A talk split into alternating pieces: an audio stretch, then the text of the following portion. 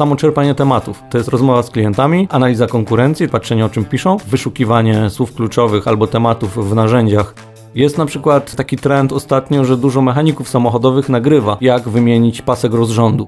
Blog dzisiaj to jest informowanie, odpowiadanie na pytania, budowanie wizerunku, a kiedyś blog to było miejsce, w którym opowiadało się o tym, jak minął dzień i co się konkretnie robiło.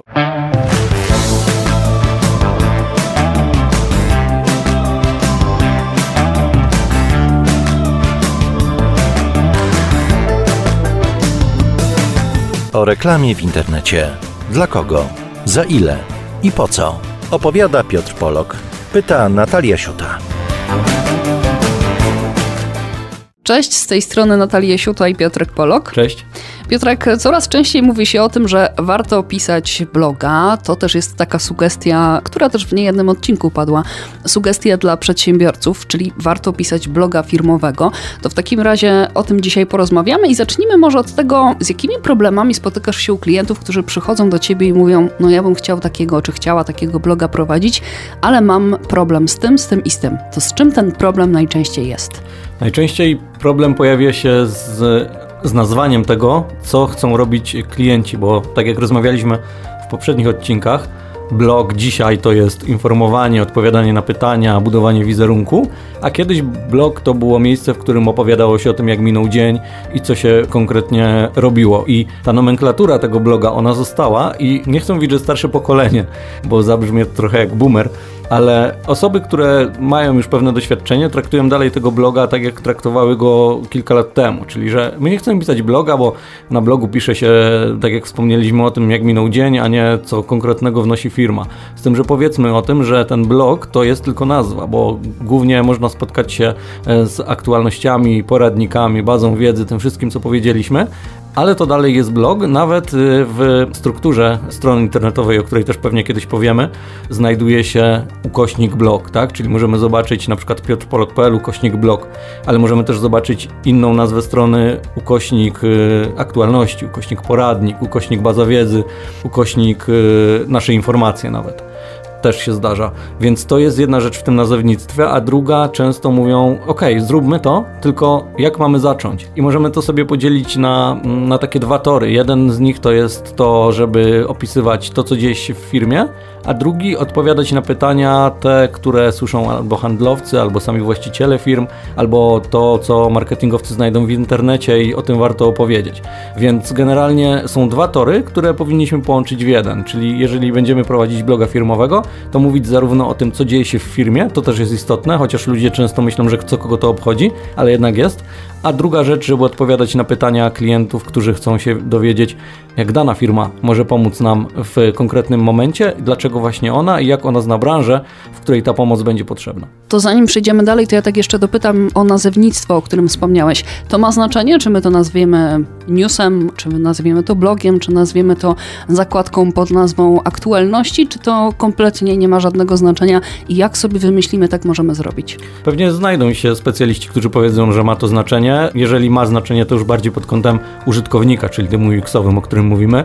Nie będzie miało to większego znaczenia pod kątem widoczności w internecie, czy wyszukań tego bloga, e, bo jak sobie przejrzysz strony na przykład bardziej takie marketingowe, to będziesz miała bazę wiedzy albo, albo porady, ale jeżeli przejrzysz sobie strony trochę informatorów miejskich, no to będziesz już miała bardziej informacje, więc tutaj też kwestia tego, jaka branża i, i co chce przekazać. Dla mnie blog jest o tyle neutralny, że nie jest to aktualność, bo nie muszę pisać na tym blogu cały czas, ale nie jest to też porada, bo oprócz tych porad mogą znajdować się właśnie te informacje, o których mówimy, albo na przykład y, odpowiedzi na pytania, albo rankingi, no to już za bardzo nie jest porada. Ok, ranking produktów też można uznać jako porada, no ale sugerowałbym jednak, żeby zostawić sobie albo blog, albo, albo aktualności, jeżeli te aktualności naprawdę tymi aktualnościami są, bo zdarza się, że ktoś ma zakładkę aktualności, ostatni wpis dodał rok temu. No i jak to wygląda? OK, to załóżmy, że ktoś już podejmuje decyzję, ja chcę prowadzić bloga firmowego i tak jak mówisz, no warto byłoby to robić e, z odpowiednią częstotliwością. Co do tej częstotliwości, to jeszcze przejdziemy później, ale zacznijmy od tematu. Czy to są tematy, które klienci sami podsyłają na zasadzie no sprawdź po prostu, czy to można byłoby zrobić w formie bloga, albo napisz, czy ktokolwiek z Twojego zespołu napiszcie tekst na dany temat, czy może wręcz przeciwnie, klient twierdzi, za bardzo nie wiem, co by mogło być tematem, proszę mi to wskazać. Mhm. Tutaj znowu mamy dwie drogi, w zależności od tego, kto wyszukuje te tematy, czyli to, o czym powiedziałaś, czy jest jakiś copywriter albo content manager, który zajmuje się typowo kwestią blogową i, i całą tą blogosferą i strefą internetową, marketingiem online, czy jest tak, że osoba odpowiedzialna, właściciel firmy, załóżmy właściciel biura księgowego postanowił sobie tworzyć wpisy na blog i potrzebuje albo mojej pomocy, albo innego specjalisty, gdzie ta pomoc ogranicza się jedynie do wyszukania tematów albo do proofreadingu czy redakcji korekty tego, co, co ktoś napisał. Więc generalnie, jeżeli mielibyśmy wyjść od tego, że jest właściciel, który chce prowadzić bloga, najprostszą rzeczą pod kątem wyszukania tematów jest rozmowa z klientami. Bo często zdarza się tak, że klienci dopytują na przykład, a jak założyć swoją firmę? A czy będzie lepsza JDG, czy może spółka ZO? A jeżeli będzie podatek, to może liniowy, a może ryczałt? A jeżeli znowu ma być podatek liniowy, to czy płacić go kwartalnie, czy co miesiąc? I tak dalej. Więc zobacz, ile ja już Ci zadałem pytań, a nadal nie mamy odpowiedzi. Więc będąc teraz księgowym, księgowy powie, dobra, no to ja zrobię taki artykuł i napiszę, jakie są różnice między spółką ZO a jednoosobową działalnością gospodarczą i podam argumenty, które według mnie, bo to też jest istotne, według mnie są ważne. Samo czerpanie tematów, to jest rozmowa z klientami, analiza konkurencji, tak, wchodzenie na, na strony konkurencji, patrzenie o czym piszą, wyszukiwanie słów kluczowych albo tematów w narzędziach, które są dostępne i tutaj pewnie po rozmowach ze specjalistami e, specjaliści wskażą co i dlaczego używać. Natomiast to jest taki pierwszy krok, więc nie musimy się zastanawiać i mówić, dobra, ja nie napiszę nic na blogu, bo ja nie wiem od czego zacząć. No właśnie od tego, że to e, klienci, potencjalni klienci albo obecni klienci, oni dostarczają cały czas kontentu i ten kontent jest o tyle ważny dla odbiorców, że przeważnie każdy, kto przyjdzie do księgowej zapyta o to samo. Znowu jest to, co my zrobiliśmy jakiś czas temu, czyli założyliśmy bloga i zaczęliśmy nagrywać podcast, żeby z jednej strony pokazać ten profesjonalizm i to, że się znamy na tym, co robimy, a z drugiej strony zaoszczędzić czas na odpowiadanie na te same pytania. Bo jeżeli nagramy już odcinek dotyczący tego, jak założyć bloga, a później napiszemy o tym tekst, jak założyć bloga, to jeżeli przyjdzie do nas klient i powie, Dzień dobry, chciałbym założyć bloga, jak mogę to zrobić? No to my wtedy mówimy. Wie pan co, pierwsza sprawa, proszę przeczytać tekst, który zrobiliśmy na naszym blogu, jak założyć bloga, wszystko jest opisane. Jeżeli nie lubi pan czytać, to proszę sobie posłuchać odcinka, tam też o tym mówimy.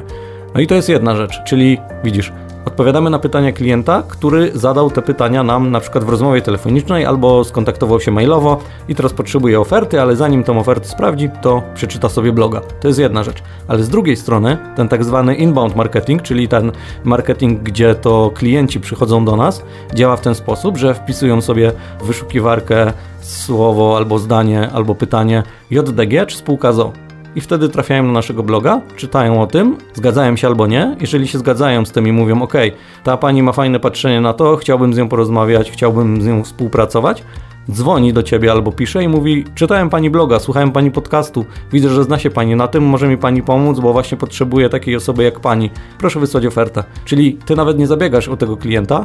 Oczywiście w późniejszej rozmowie trzeba o niego dbać, ale sama rozmowa dzięki temu, że ktoś cię już trochę poznał, jest łatwiejsza, dlatego że wszedł na twojego bloga, przekonał się do tego, co piszesz, twoje argumenty go przekonują, trochę się z tobą utożsamia bo potrzebuje Twojej pomocy w biznesie, więc obaj musicie od siebie coś dać i obaj zarobicie. Więc no, tak. W tym wszystkim jest y, Twoja rola tutaj y, istotna, na zasadzie takiej, że Ty możesz też właśnie podrzucać te tematy, czy raczej klient przychodzi i mówi, no ja mam konkretne tematy, ja bym chciał te konkretne y, sprawy opisać. No tutaj jeżeli współpracujemy pod kątem tego prowadzenia bloga i pomocy albo marketingowej, albo jakiejś konsultacji jednorazowej, to jestem w stanie pomóc z tego względu, że albo ja dobiorę tematy, które są wyszukiwane przez y, internautów, czyli przez potencjalnych klientów, którzy szukają odpowiedzi na pytania i według tego na przykład długiego ogona, o którym często rozmawiamy, czyli tym, tym long tail, y, możemy zrobić temat jak założyć spółkę ZO, albo dlaczego warto ją założyć to jest jedno i ja wtedy mówię temu właścicielowi e, biura rachunkowego, że taki temat jest nośny, warto o tym napisać i odpowiedzieć na pytania, uargumentować, bo na przykład jest taka sezonowość, że ludzie chcą od nowego roku założyć firmę, więc wrzesień, październik, listopad zaczynają szukać informacji, na przykład. I to jest jedna rzecz, gdzie ja y, mogę pomóc w dostarczaniu tematu, w rozbudowaniu, w doborze słów kluczowych, w ewentualnym umieszczeniu na stronie, czy zbudowaniu struktury tego tekstu, a z drugiej strony ja mogę wziąć tematy od klienta, które przygotował i zweryfikować, czy te tematy się pokrywają z tym, czego ludzie potrzebują. To znaczy, oni mogą inaczej zadać te pytania, albo inaczej napisać słowo, bo to, co rozmawialiśmy, jest żargon jakiś branżowy i, i słowa takie potoczne, jakich używają ludzie niezwiązani z branżą. Więc wtedy też to trzeba za, zauważyć i skorygować.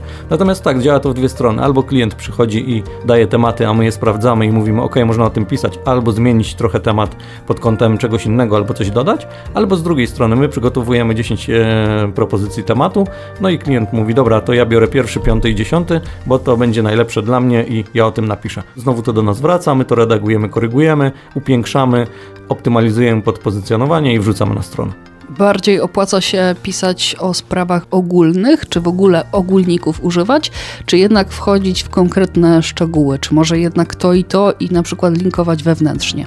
To jest trochę to, co my robimy, czyli jeżeli mamy jakiś temat, to po prostu o nim mówimy, a jeżeli widzimy, że jest zainteresowanie albo czujemy, że nie wyczerpaliśmy go, no to wtedy rozbijamy ten, ten odcinek albo ten artykuł na, na czynniki pierwsze, tak jak zrobiliśmy to na przykład z blogiem.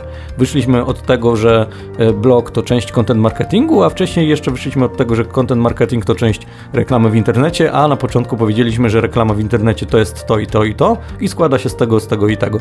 Więc wszystko zależy od tego, znowu zależy od e, tego, co jest potrzebne internautom i jak wytłumaczymy, bo pamiętajmy o tym, że mm, zdarzają się sytuacje osoby, która chce potencjalnie założyć bloga i mówi, dobra, bez sensu, o tym już ktoś napisał, to ja o tym nie napiszę tak naprawdę o wszystkim już powiedziano, o wszystkim już napisano, więc zawsze można to napisać.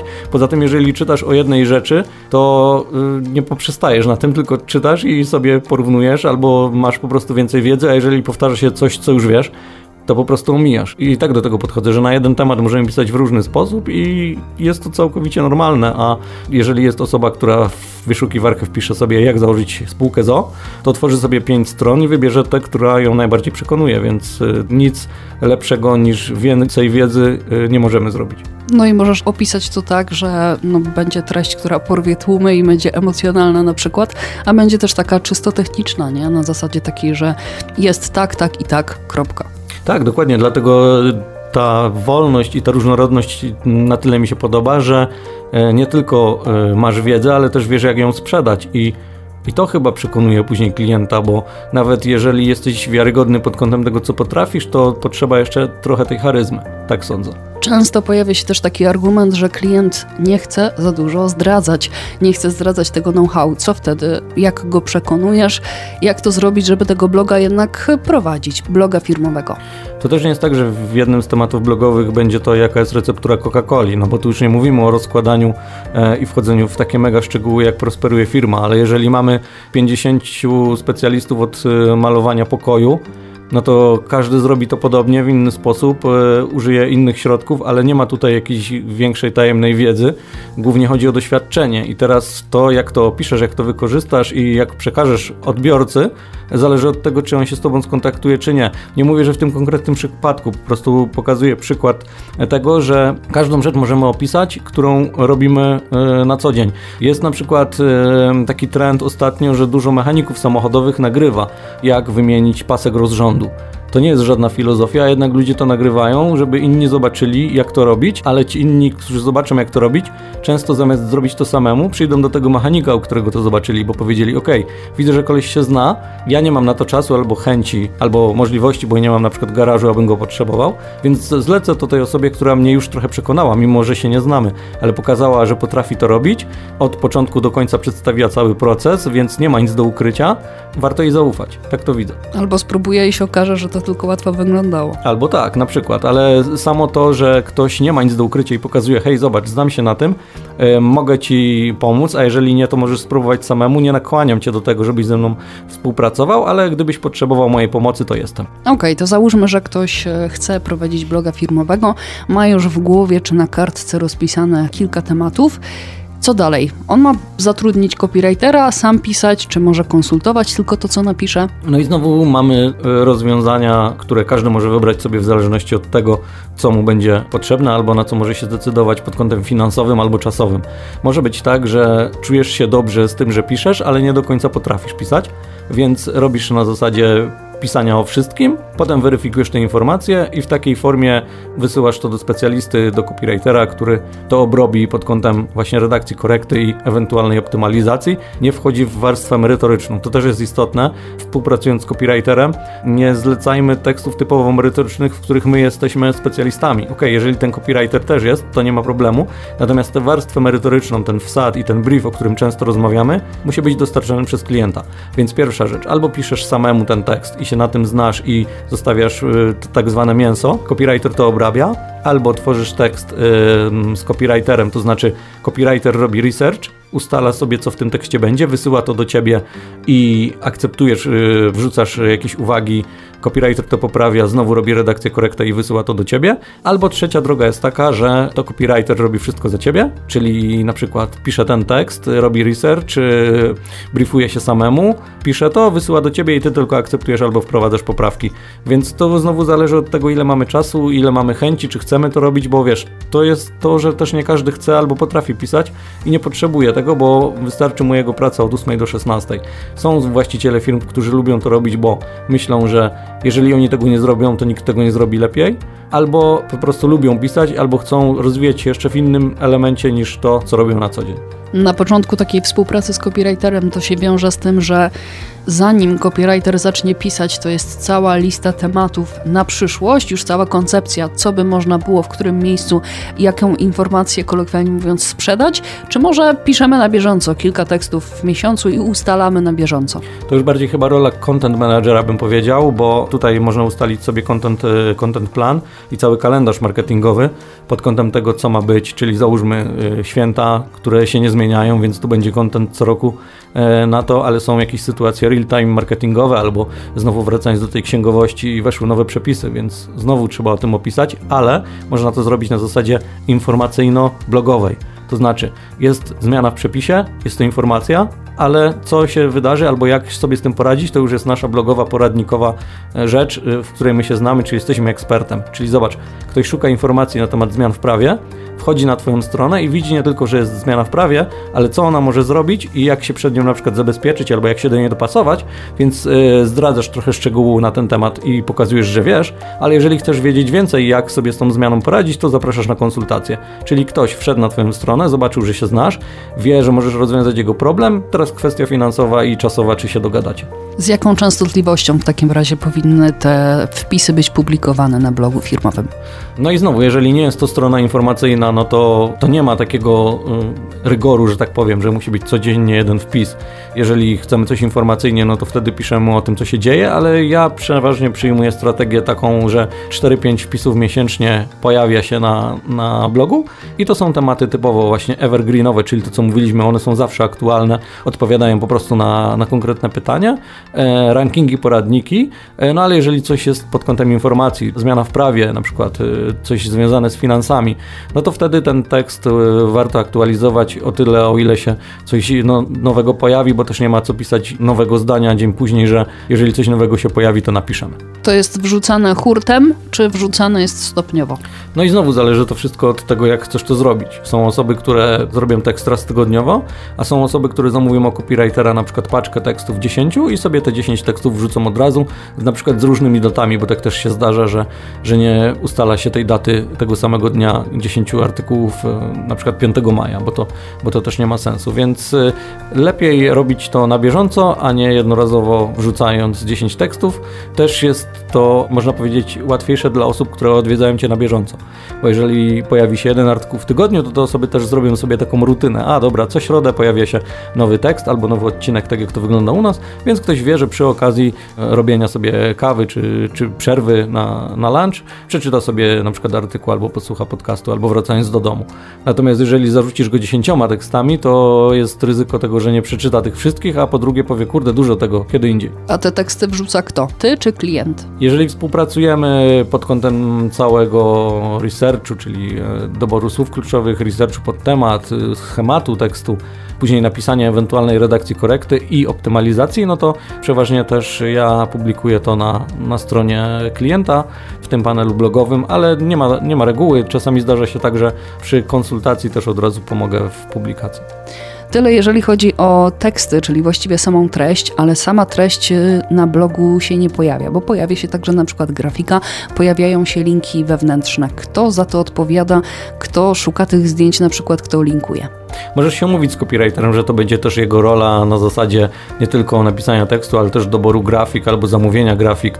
I tutaj na przykład albo jest y, jakiś zewnętrzny specjalista, który tworzy grafiki, albo copywriter ma swojego w zespole, bo też znowu zależy, czy pracujesz z freelancerem, czy z agencją marketingową, czy copywriterską, więc y, oni wtedy mogą sami zadecydować albo powiedzieć, że mają taką osobę na zewnątrz. Będzie to kosztować tyle i tyle. Jeżeli się pani decyduje, to się tym zajmiemy. Ale wracając jeszcze do tej publikacji, czyli jeżeli opublikujesz publikujemy ten tekst i pojawia się grafika, o której mówisz, Pojawia się też na przykład y, filmik z YouTube'a. To, co robimy u nas na, na pierwszpolok.pl, że oprócz y, tekstu, który możesz sobie przeczytać, możesz też posłuchać od razu podcastu albo zobaczyć film. To jest tak zwany embed, y, embedowanie z YouTube'a y, filmów. I to też może zrobić y, copywriter albo content manager, albo ewentualnie też y, specjalista SEO, którego masz albo z którym współpracujesz. Tu już bardziej mówię pod kątem linkowania wewnętrznego, bo taki specjalista wie, dlaczego dane słowo powinno być podlinkowane i gdzie powinno powinno prowadzić, żeby to przyniosło efekty. Więc y, w zależności od tego, z kim pracujesz i na jakim poziomie, możesz sobie ustalić, kto za co będzie odpowiadał. Im więcej tego typu rzeczy, typu właśnie nagranie z YouTube'a, może e, jakieś nagranie w formie audio, typowo z, innej, z innego zupełnie serwisu, czy jakiekolwiek inne dodatkowe rzeczy, które się pojawiają, na przykład zdjęcia, nawet wyrzucone nie w formie galerii, ale pomiędzy tekstem. Im więcej, tym lepiej, czy też nie warto przesadzać? Jeżeli pytasz mnie pod kątem samej wyszukiwarki, to zauważyłem, że Google lubi różnorodność, czyli jeżeli pojawi się tekst dotyczący konkretnego tematu, a dodamy do tego jeszcze infografikę, a jeszcze uzupełnimy to o wideo albo o podcast, to będzie super, a jeżeli pytasz o różnorodność pod kątem użytkownika, to równie super bo e, użytkownik może nie tylko przeczytać, ale także zobaczyć, a poza tym czytając tekst dobrze mieć chwilę przerwy na kolejny akapit, więc czymś możemy go zainteresować, dać tę pauzę i wrócić do tekstu. Czyli co, im więcej tym lepiej, ale można to też zrobić tak, żeby po prostu ładnie wyglądało, czyli kończy się jakiś wątek i wchodzi odpowiednie nagranie czy zdjęcie, tak? Wszystko w granicach rozsądku i powiedziałbym, że te grafiki przyciągną e, pod kątem e, wyglądu, a treść to już to, co potrafimy i co przekażemy. Okej, okay, to załóżmy, że to wszystko jest już gotowe, wszystko jest już wrzucone, opublikowane. Klient może zerkać, sprawdzać, jak wygląda odbiór tej treści? Tak, no nie ma tutaj problemu, jeżeli ma odpowiednio skonfigurowaną stronę i podpiętą pod narzędzia Google Analytics albo Google Search Console, to widzi, ile osób zapytało o konkretny tekst, ile osób go przeczytało, czyli jaki jest stosunek wyświetleń do kliknięć, co się później wydarzyło, czy ktoś e, wypełnił formularz z tej podstrony, gdzie znajduje się konkretny tekst, a może zadzwonił. To już jest kwestia bardziej analityki i konfiguracji strony, natomiast nie ma z tym żadnego problemu, żeby widzieć co i jak. Często jest tak, że jeżeli podglądasz tego typu dane, to od razu wyklarowuje się informacja e, dla klienta właśnie, jakich wpisów unikać, a w jakie warto iść, czy może różnie to bywa? Może coś zależy od czasu po prostu. W jakim czasie co zostało opublikowane? Myślę, że nie ma tu reguły, bo pamiętam jak był u nas w studiu Paweł Gontarek i mówił, że pozycjonuje się albo tworzy wpisy y, na słowa kluczowe, które nie mają jeszcze potencjału. Mówię tutaj jeszcze, bo na przykład y, jest w trakcie tworzenia rankingu y, na rok 2024, którego jeszcze nie ma, ale on już sobie coś tam powoli układa i wie, że ta fraza będzie miała kiedyś potencjał, więc dobrze jest napisać, bo jeżeli zaczną ją ludzie wyszukiwać i nabierze tak zwanego trendu, to Google potraktuje, że jest on specjalistą na ten temat. Okej, okay, a ile to wszystko kosztuje? Ile kosztuje prowadzenie takiego bloga firmowego? No i znowu, jeżeli y, mamy specjalistę, który ma nam pomóc pod kątem, można powiedzieć, takiego content managera i copywritera w jednym, no to myślę, że tutaj jakaś stawka godzinowa za przygotowanie tematów, za research, za e, dobór słów kluczowych i na przykład e, przyjmując, że specjalista poświęci na to dwie godziny, a jego praca kosztuje 200 zł netto, no to 400 zł netto na, samą, e, na samo wyszukiwanie musimy poświęcić, plus na przykład napisanie tekstu bardzo rozbudowanego, jakiegoś specjalistycznego, załóżmy też 400 zł, więc jeden tekst i wyszukanie tematów, no to mamy już 800 zł, a później analogicznie do tego, ile tych tekstów się pojawi. Na przykład w e, kwocie 1500 zł możemy mieć kompleksowo e, stworzone cztery artykuły i wrzucone je, mówiąc kolokwialnie, na stronę, zoptymalizowane, dopasowane pod SEO, ale nie ma reguły. To po prostu tak rzuciłem, żeby, żeby zobrazować. Natomiast im więcej wpisów, tym więcej pieniędzy i im więcej obowiązków, tym więcej pieniędzy. Więc jeżeli prowadzimy to sami i ograniczamy się do redakcji korekty, albo ograniczamy się tylko do wyszukiwania słów kluczowych, wtedy zapłacimy mniej. A jak na tym zarobić? Jeżeli chodzi o sam zarobek, no to traktowałbym bloga bardziej wizerunkowo, jeżeli nie robimy żadnych afiliacji e, ani podobnych tematów, więc jeżeli znowu prowadzimy biuro rachunkowe i pokazujemy, że się na tym znamy, to już sprzedajemy trochę swojej wartości takiej, że klient e, nabiera do nas e, zaufania, czyli trochę nas kupuje, można powiedzieć. No a wtedy jest tylko o krok od tego, żeby złożyć zapytanie, albo zamówić produkt, albo skorzystać z usługi. O reklamie w internecie. Dla kogo? Za ile? I po co?